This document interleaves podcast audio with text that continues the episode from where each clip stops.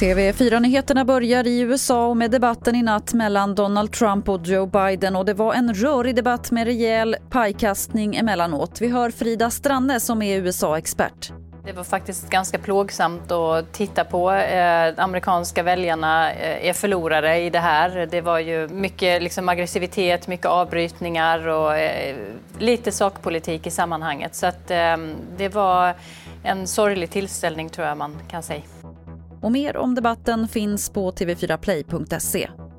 En person har blivit påkörd av en buss vid en hållplats i Norsborg söder om Stockholm nu på morgonen.